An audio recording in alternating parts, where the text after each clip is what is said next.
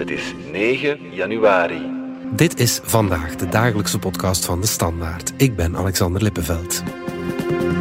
De voorzitter van de Europese Raad, de primus van de Europese Unie, stopt ermee om te kunnen meedoen aan de Europese verkiezingen. Charles Michel legt zijn mandaat half juli neer wanneer hij de eed aflegt als Europees parlementslid. En dat is zowat vier maanden voor het normaal gezien zou aflopen. Een onverwachte of een onverantwoorde vroegtijdige exit.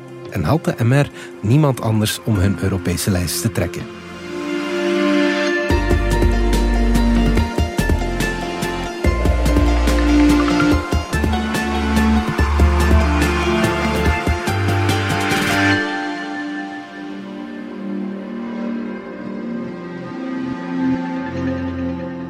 Voor we het over Charles Michel hebben, nog even dit.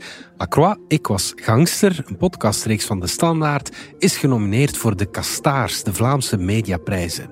We nemen het op tegen een pak kleppers, dus we hebben jouw stem nodig om bij de laatste vier te geraken. Stemmen kan op castaars.be. Je kan natuurlijk ook nog steeds luisteren naar Lacroix, Ik was gangster. Dankjewel alvast. En nu luisteren we naar de Europees president.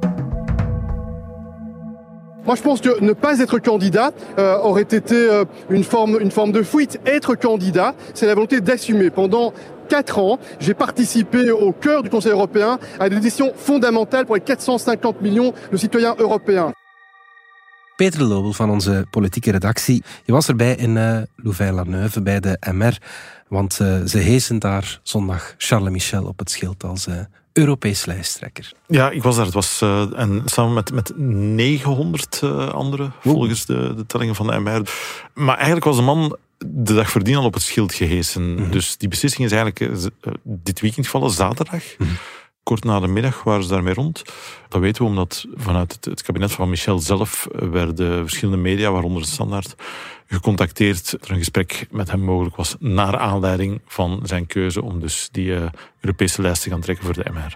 En was je verbaasd dat hij die Europese lijst zal trekken? Ik zal eerst zeggen dat het een, een beslissing was waar wel wat op gewacht werd. Zeker ook binnen de MR. Door deze beslissing komen er ja, andere dingen in beweging. Boucher, de MR-voorzitter, wilde zijn lijsten klaar hebben tegen de nieuwjaarsrecepties. De ja. partij heeft nu een hele week uh, nieuwjaarsrecepties waarin ze telkens de lijsttrekkers aankondigt. En uh, ja, die vraag was van wat gaat er Europees gebeuren? Zal Charles Michel die lijst trekken of zal Didier Reinders, Europees commissaris, uh, die lijst trekken. Mm. Dus het, zeker binnen de MR, er werd wel naar uitgekeken naar wat wordt het nu? Wat beslist Charles? En ja, Charles heeft dus, uh, heeft dus nu beslist. Ja, dus we zagen het wel aankomen, maar het was toch ergens, ja...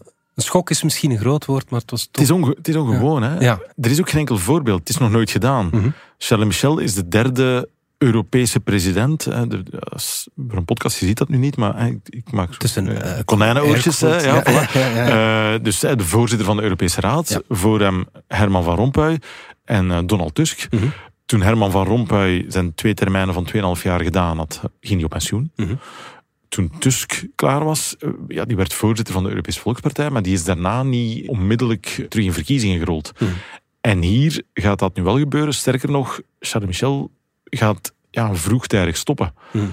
Je kan zeggen dat is du jamais vu. Hmm. Ja, oké, okay, maar ja, het is ook nog maar de derde uh, Europese president die we hebben. Dus kijk, de partij verdedigt het wel. Hè. De partij zegt echt van, uh, Georges Boucher uh, dit weekend nog, hij zegt van ja, als je de Europese president in je rangen ja, hebt, ja, ja. je zou wel gek zijn om die niet die lijst te laten trekken. Parce que je souhaitais effectivement qu'il puisse être tête de liste. Finalement, les choses ont pu se débloquer dans ce sens-là. Effectivement, je pense qu'aucune autre formation politique ne peut nous opposer quelqu'un qui a une meilleure connaissance et surtout plus de crédibilité euh, sur le sujet. En het is vooral dat, Michel had zelf die keuze. Uh, op het moment dat hij zegt, ik wil dat doen, is er binnen de MR niemand die genoeg karuur heeft om hem daar uh, iets in de weg te leggen. Of nee. die hem daar iets in de weg zou willen leggen. Ja. Hij zat natuurlijk wel mee in de cockpit daar hè, in Europa. En nog steeds trouwens. Ja. Ja, ja, ja, maar het is natuurlijk wel ongezien dat iemand zo'n topfunctie krijgt, Absoluut. herbenoemd wordt. Ja. En ze dan, ja, dat dan is het, verlaten. Dat is het, het, het speciale of het vreemde in dit geval. Dus de, de, de 27 Europese leiders mm. zeggen, kijk, jij gaat dat doen. Mm. Uh, Veel hoger geraak je niet. Ja, ja nee, er is, nee, er is daarboven niks. Nee. Nee. Mm. Je kan daar kanttekeningen bij maken dat ze, dat ze misschien... Uh, geen kandidaat benoemen die ze veel hoger achten dan zichzelf, omdat ze zelf nog veel macht. Maar bon, zwart. Hmm. Het is wel een belangrijke job binnen Europa. Dat, dat is in principe de man die moet gebeld worden als je met Europa wil spreken. Hmm. En als je dan vier maanden voor het einde zegt bedankt, tot ziens, dat is wel vreemd, ja. En hoe wordt er op gereageerd in Europa? Ja, ik heb uh, berichtjes gestuurd naar uh, Emmanuel Macron. Scholz heeft mij ook nog niet geantwoord. nee, Victor Orban wel waarschijnlijk. In, in, ieder geval, ja, in ieder geval, het zet wel wat in beweging, zoiets. Ja, ja. Hè. Het is geen Belgisch politiek nieuws. Hè. Mm -hmm. Over heel de wereld wordt, wordt hierover geschreven, over de stoelendans die dit uh, in gang gaat zetten. Want Charles Michel stopt, dat mandaat loopt nog een eind verder. Mm -hmm. Daar moet wel iemand in de plaats komen. Die stoel die kan niet leeg blijven. Mm -hmm in theorie, en dat is de bizarre link tussen de Hongaarse premier Viktor Orban en de lijstvorming bij de MR. In theorie zou het aan de, de volgende Europese voorzitter, uh, dus zijn de Hongarije, zijn de Viktor Orban, ja. toekomen om die, om die functie te gaan invullen. Ja. Maar ja, Viktor Orban is nu niet de, de, de grootste Europa-liefhebber. Uh, dus mm. zeker ook de andere leiders willen hem niet uh, in, in die positie zien. Dus gaat er nu snel moeten gezocht worden naar de, de, de opvolger van Michel. Gaat daar snel consensus over moeten komen voordat hij eigenlijk uh, ja, vertrekt. Hè. Ja, oké. Okay. Hij gaat die Europese lijsten strekken. Hij zal ook in het Europees Parlement uh, gaan zetelen. Zal hij dat ook effectief doen, Peter? Dus in het Europees Parlement werkt het zo dat je, je haalt die, die zetel binnen bij, bij verkiezingen. Mm. En dat zal in dit geval zeker ook wel lukken. De MR zal wel uh, twee Europese zetels binnenhalen. En dan moet je die, ja, moet je die zetel opnemen. Mm. Doe je dat niet, dan ben je hem kwijt. Mm. Dan gaat hij naar de volgende. Maar dus, als hij het niet doet, ja, dan staat hij er voor niks. Dus gaat hij in het Europees Parlement zitten. In principe is dat wel de bedoeling. Mm. Het is daarom ook, hij zegt dat ook, van kijk, als ik verkozen word, uh, laat ons aannemen dat zal gebeuren, dan leg ik de eet af en dan stop ik als Europees president. Gaat hij lang in dat Europees Parlement zitten? Dat is een andere vraag. Hmm. Ik kan mij voorstellen, hij geeft dat zelf ook al een beetje aan, van ja, ik ben beschikbaar waar ik het meeste nodig ben. Dus als hij plots toch nog zal gevraagd worden voor een andere Europese topfunctie, of, of buiten Europa, of iets, iets internationaal, dan zal hij niet nee zeggen. Dan gaat hij niet zeggen, ja maar nee jongens, ik ben nu verkozen in het Europees Parlement, dit is mijn engagement, ik ga dat nu blijven doen. Hmm. Het is ook een beetje een, ah ja, het voelt ook wel raar. Hè? Het, is, het is de president van Europa die dan plots Europees parlementslid wordt. Met alle respect voor de Europese parlementsleden, maar dat is toch een, ja. een niveauverschil. Verschil, ja. Bijkomend is dan ook nog, ja, je vertegenwoordigt daar als, als Europees president, vertegenwoordig je de Raad, dus de 27. Ja. En je voert dan eigenlijk campagne voor een andere Europese macht. Het is de Zijnde dat parlement. uitvoerende macht Ja, tegen de voilà, wetgevende. Ja, tussen ja, aanhalingstekens opnieuw. Wat gaat hij nu doen de komende maanden in de aanloop naar die verkiezingen? Gaat hij effectief campagne gaan voeren in uh, Wallonië? Dat valt af te wachten. Nu, door gewoon zijn job te doen nog de komende maanden, ja, voert hij eigenlijk al campagne. Hè. Hij gaat in de media komen. Uh, België vanaf begin deze maand tot eind juni is Europees voorzitter. Mhm. Als je dan als Belg dan ook nog eens Europees president bent, dan is het normaal dat je veel in de kijker loopt al net op dat Europese niveau waar je toch dan kandidaat bent. Dus ik, ik denk niet dat hij veel campagne gaat moeten voeren. Mm. Het is ook niet dat een, een uh, kandidaat bij de Europese verkiezingen, die gaan ook niet dikwijls port-à-port doen, bij de mensen overal flyertjes zelf gaan in de bus steken, dus hij zal wel aandacht genoeg krijgen. Ik denk niet dat hij zich in een grote campagnebocht zal, uh, zal Ja. moeten wringen. Want maar hij natuurlijk, heeft nog wel wat werk natuurlijk met Ja. die oorlogen in onze wel, achtertuin. voilà, maar ook, ook dat eh, maakt het zo vreemd dat hij dan uh, voortijdig forfait geeft. Er is wel wat te doen in de wereld. Hè? En, en er wordt voor veel dingen naar Europa gekeken. Met de verkiezingen die eraan komen in Amerika. Dus voordat die eigenlijk plaatsvinden, zou hij dan al weg zijn. Terwijl dat, dat ook ja, zeer belangrijk is voor, voor hoe dat we als Europa omgaan met de steun die we aan, uh, aan Oekraïne geven, bijvoorbeeld. Uh, je hebt dan natuurlijk ook nog het conflict in Gaza. Dus er zijn, er zijn, het is niet dat er niet genoeg werk is. Nee. Maar bon, dus uh, vanaf juli zal iemand anders het moeten doen. Ja, hoe moeten we daar dan naar kijken? Pleegt hij nu vaandelvlucht of kiest hij wat te veel eieren voor zijn geld of, of niet? Maar Michel is heel jong, ik wil zeggen heel jong president geworden, maar hij is heel jong als geworden. Ja. Hij is heel jong minister geworden. Mhm. Hij is dan heel jong partijvoorzitter geworden. Mhm. Hij is dan heel jong Belgisch premier geworden. Ja. Hij was 39 jaar toen. Mhm. En ja, na die vijf jaar uh, in België is hij dan Europees op het schild geweest. Hè, door die Europese leiders die zeggen, jij wordt hier de nieuwe uh, Europese president. Het was ook toen al opvallend de derde die die job ging uitoefenen. En voor de tweede keer was het, was het een Belg. Ja. En toen al werd de vraag gesteld van wat gaat hij daarna doen? Mm. Want hij is nog geen 50. Mm. Als liberaal kun je dan niet zeggen, genoeg gewerkt. eh. bij, bij veel andere partijen ook niet, maar toch zeker niet bij de MR. Dus ja, hij moet nog wel, wel iets gaan doen. En door die keuze voor eh, het trekken van die Europese lijst, heeft hij in ieder geval wel jobzekerheid. Hè? Hij zal verkozen zijn in het Europese parlement, daar is geen enkele twijfel over. En als er dan iets anders voorbij komt, kan hij nog eh, op, die, op die andere trein springen. Maar hij heeft in ieder geval wel, wel iets. eh, ja, de man heeft ook nog een gezin te, onderhouden. Hè? Ja, hij een heeft, wel kinderen. ja, voilà. Straks kijken we naar de gevolgen voor de MR en voor DJ Reinders, maar eerst gaan we er even uit voor reclame. Gaat in januari jouw autohart ook altijd sneller kloppen? Wanneer je wil gaan kiezen en je vooral de beste deals niet uit het oog wil verliezen, kom dan zeker langs op het Hedin Autofest van Hedin Automotive. Je ontdekt er meerdere vertrouwde, maar ook enkele verrassend nieuwe merken in onze special showroom in Lokeren op 12, 13 en 14 januari. Al onze merken geven u onvoorwaardelijk de allerbeste voorwaarden. Meer info op hedinautomotive.be. Hedin Automotive. More for you. Peter, terug naar jou. DJ Reinders grijpt nu naast die ja, positie van lijsttrekker op de Europese lijst.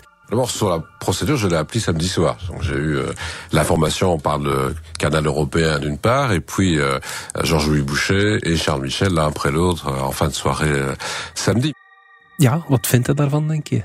Didier Reinders was naar verluid niet erg gelukkig, maar ook hij kon niet Charles Michel daarin tegenhouden. Dus, en dat wist hij ook. Als, als Michel zegt als Europees president van kijk, ik wil dit gaan doen, dan kan Reinders daar niet gaan voorliggen. Ja, Reinders was er ook niet zondag op dat congres. Maar intussen heeft Reinders dus zijn ogen laten vallen op een andere Europese eh, positie. En dat is ja, eigenlijk dezelfde waar hij vijf jaar geleden al eh, naar uitkeek, voor hij benoemd werd als eh, Europees commissaris. En dat is eigenlijk de secretaris-generaal van de Raad van Europa. Ja. Nog Vijf- iets heel anders dan Ja, de Europese. Unie. Voilà. Het Europees parlement heeft er niets mee Vijf jaar geleden heeft hij er al eens naast gegrepen. Ja. Maar nu dus heeft hij toen van, van een, eh, een Kroatische eh, verloren eigenlijk. Het mandaat van die vrouw loopt in september af. Mhm. En Reinders hoopt eh, dat... Dat het gaat er een, een tweede poging verwagen, ja. Ja. Dus, dus hij moet dan eerst voorgedragen worden door de federale regering. Mhm. Die nominatie zal hij normaal gezien, dat wordt deze week beslist, wel op zak hebben. Mhm. Heeft hij dan ook zeker die job? Dat is nog een andere vraag. Hij heeft er natuurlijk weer uit heel Europa eh, concurrentie. Hè. En of hij dat zal halen, dat is, eh, dat is afwachten. Maar dat is voorlopig één van de ijzers die, eh die Reinders in het vuur zou hebben. Ja, ja. Zou hij ook niet gewoon met pensioen kunnen? Hij is 65, hè?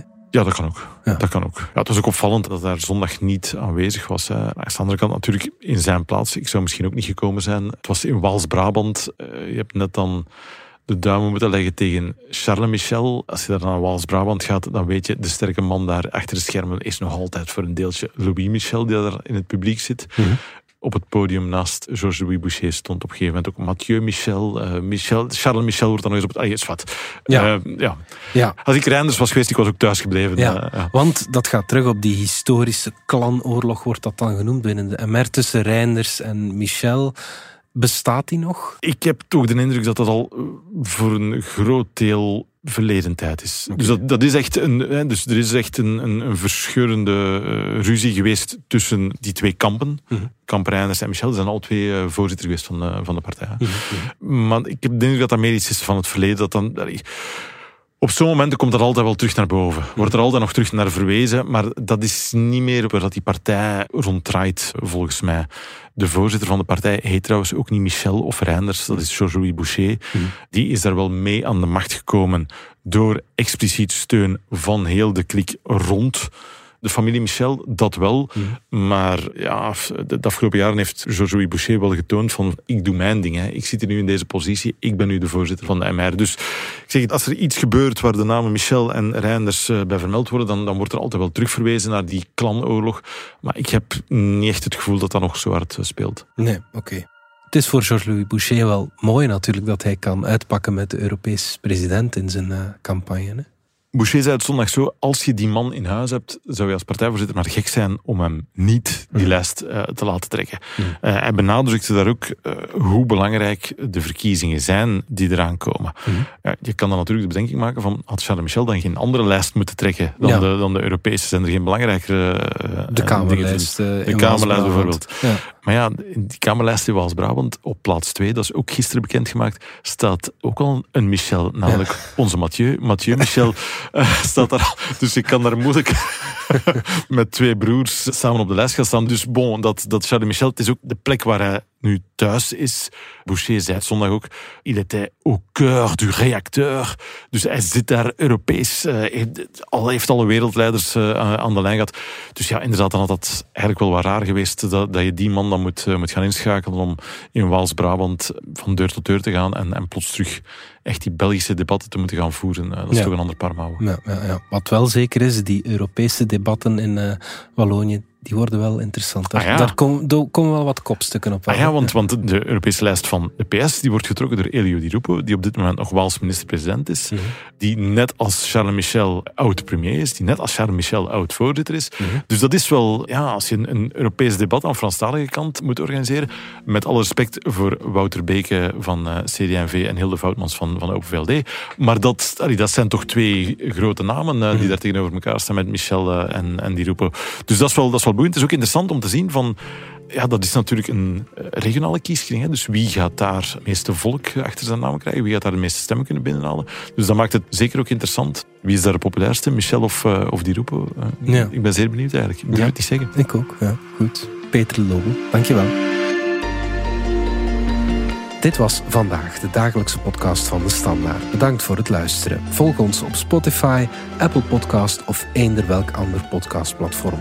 Of download de vernieuwde app DS Podcast, waar je ons werk en de beste luistertips van onze redactie terugvindt. Alle credits van de podcast die je net hoorde vind je op standaard.be-podcast. Reageren kan via podcast.standaard.be.